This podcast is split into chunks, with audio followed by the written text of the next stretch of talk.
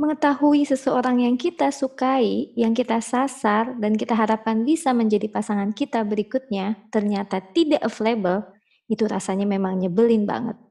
Setelah kita baru usai dari sebuah perpisahan, baru selesai menata hati, dan kemudian membuka diri, kok ya bisa ketemunya orang yang salah? Di episode ketiga Nyaman Bersama Ayang dan Andin akan membahas tentang, loh ternyata si dia sudah berstatus. Bareng gue Andin dan Ayang. Yuk dengerin.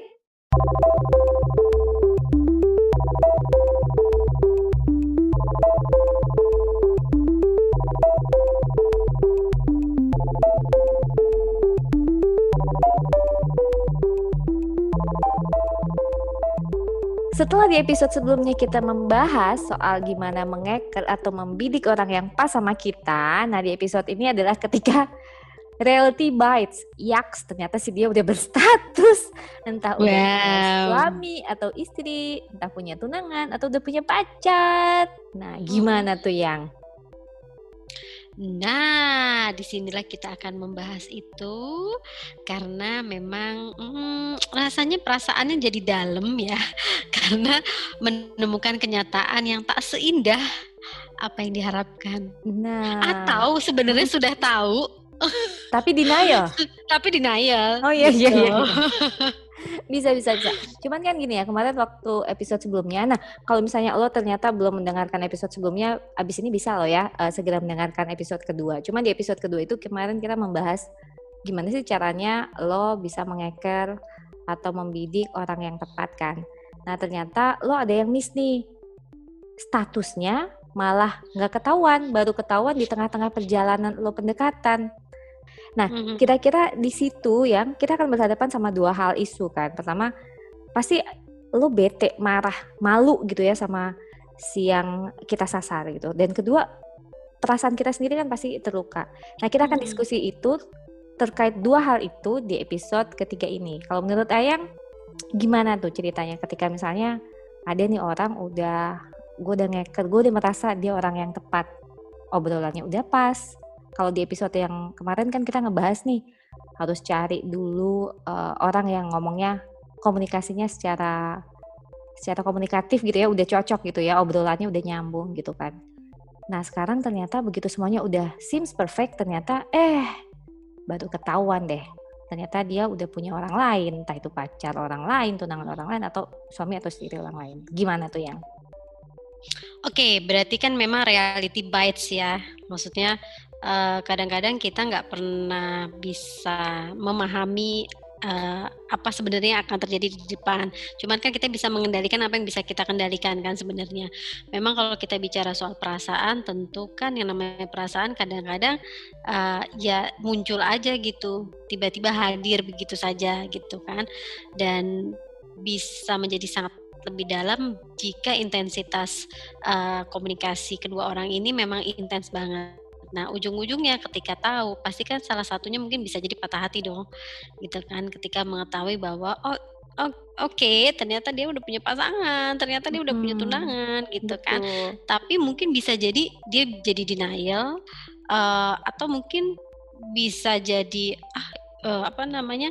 Kalau misalnya sebatas hanya pacar gitu ya, mungkin uh, pihak yang satunya akan merasa ya kan dia belum merit dia masih Akhirnya punya terusin aja gitu ya Nah, kita terusin aja gitu toh uh, dia masih punya pilihan gitu, masih bisa memilih. Nah, uh, ya hati-hati juga sih dengan kondisi ini gitu. Karena jangan sampai uh, kita berharap seperti itu ternyata yang yang pihak yang mungkin pihak uh, apa namanya lawan jenis kita itu menganggap bahwa ya ya enggak ya ini cuma mengisi mengisi waktu kebetulan suka juga gitu kan. Jadi khawatirnya melukai yang satunya gitu sih jadi harus tetap bersikap realistis juga ya nah kalau gitu. gini ya kan pasti gini ya uh, misalnya nih gue lagi udah ngincer nih oh ini ada nih uh, laki-laki kayaknya bertanggung jawab ngobrolannya masuk kemudian kita udah ngobrol yang paling yang paling dihindari itu biasanya kan kalau kita habis habis dari suatu hubungan tuh kan nanya status lo tuh apa sih gitu kan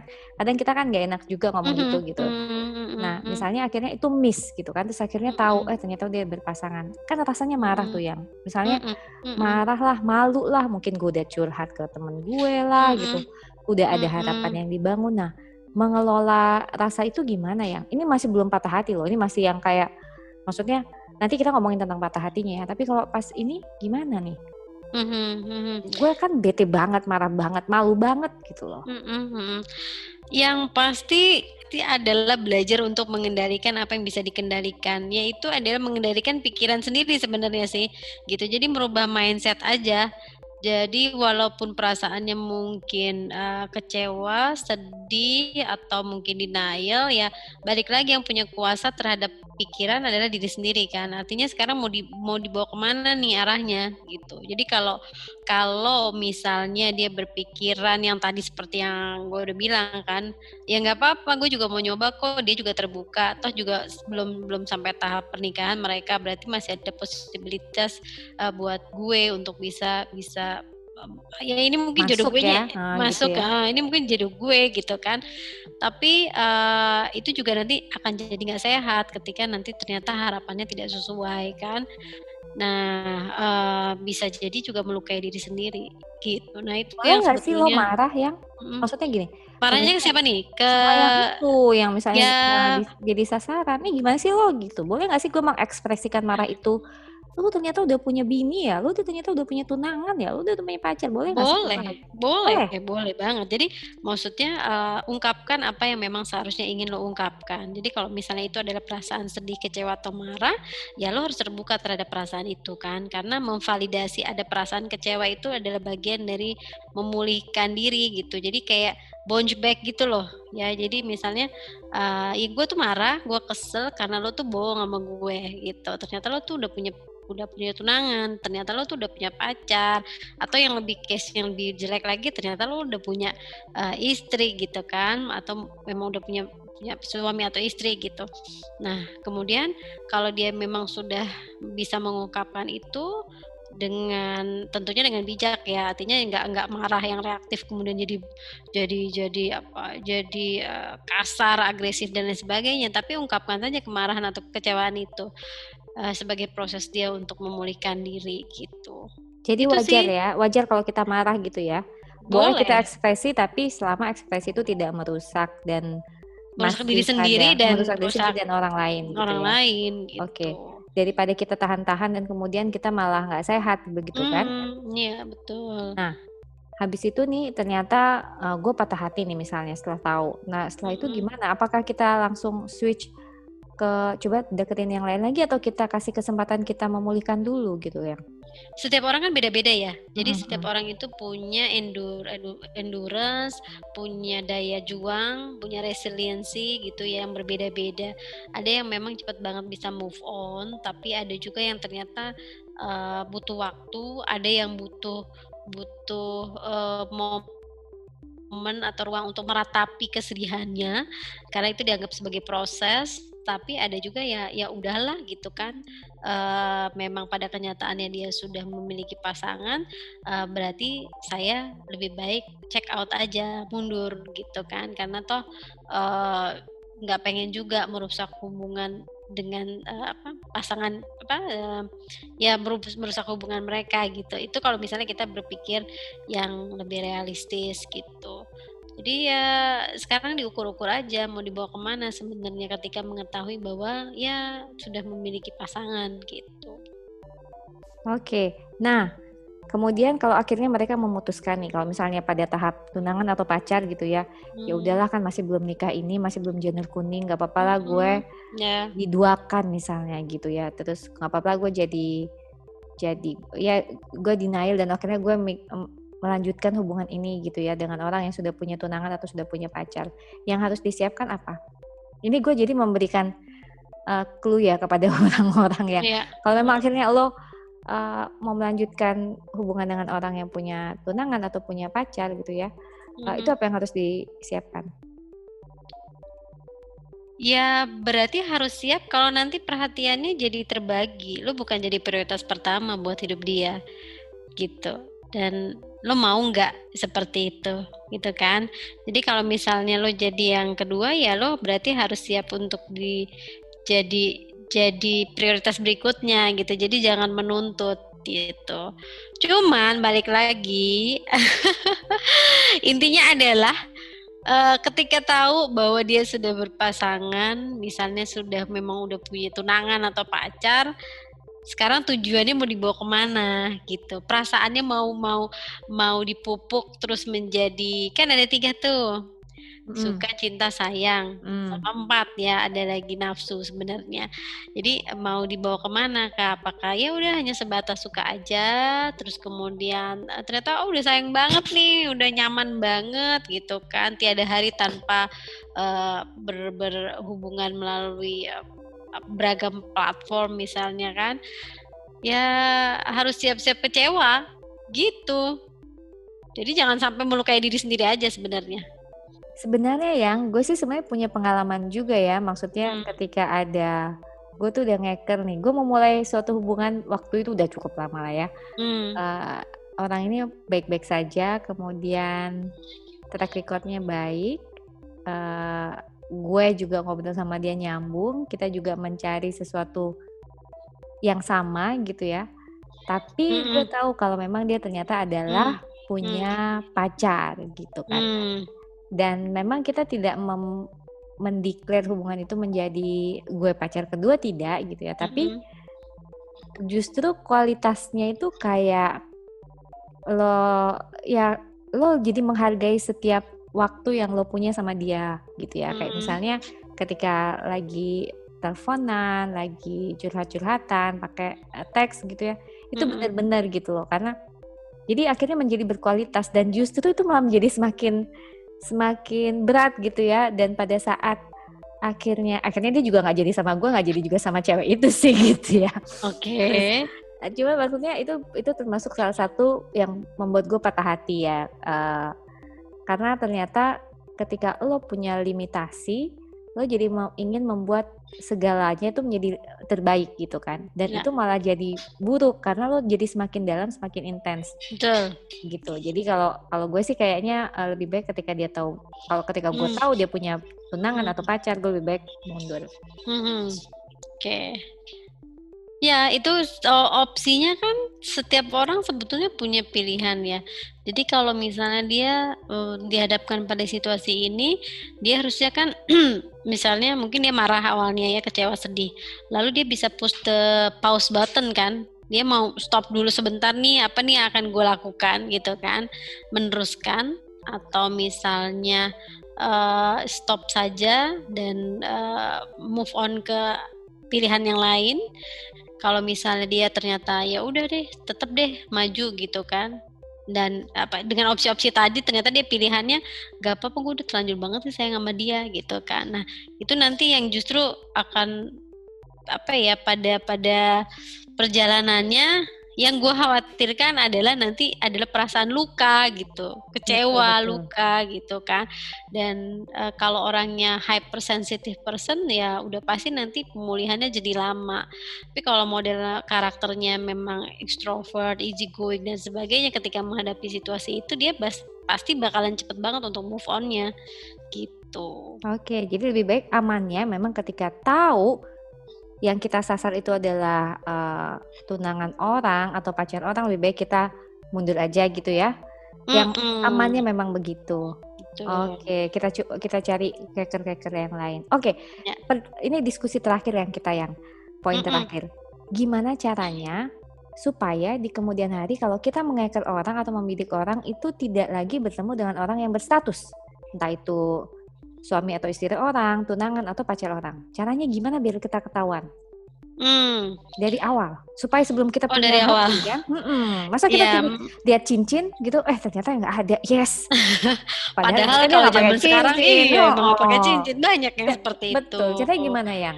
Jadi memang perlu untuk bisa riset dulu ya. Jadi ternyata hubungan itu juga perlu ada risetnya gitu kan. Jadi uh, memang harus dicari tahu dari misalnya gini, kalau kenalan sekarang banyak banget yang kenalannya melalui uh, media sosial. Media sosial. Hmm. Aduh, banyak banget deh itu gitu ya. Eh, nanti kita next topik tentang Tinder kayaknya ya. Oke, okay, hmm. lanjut lanjut. Iya.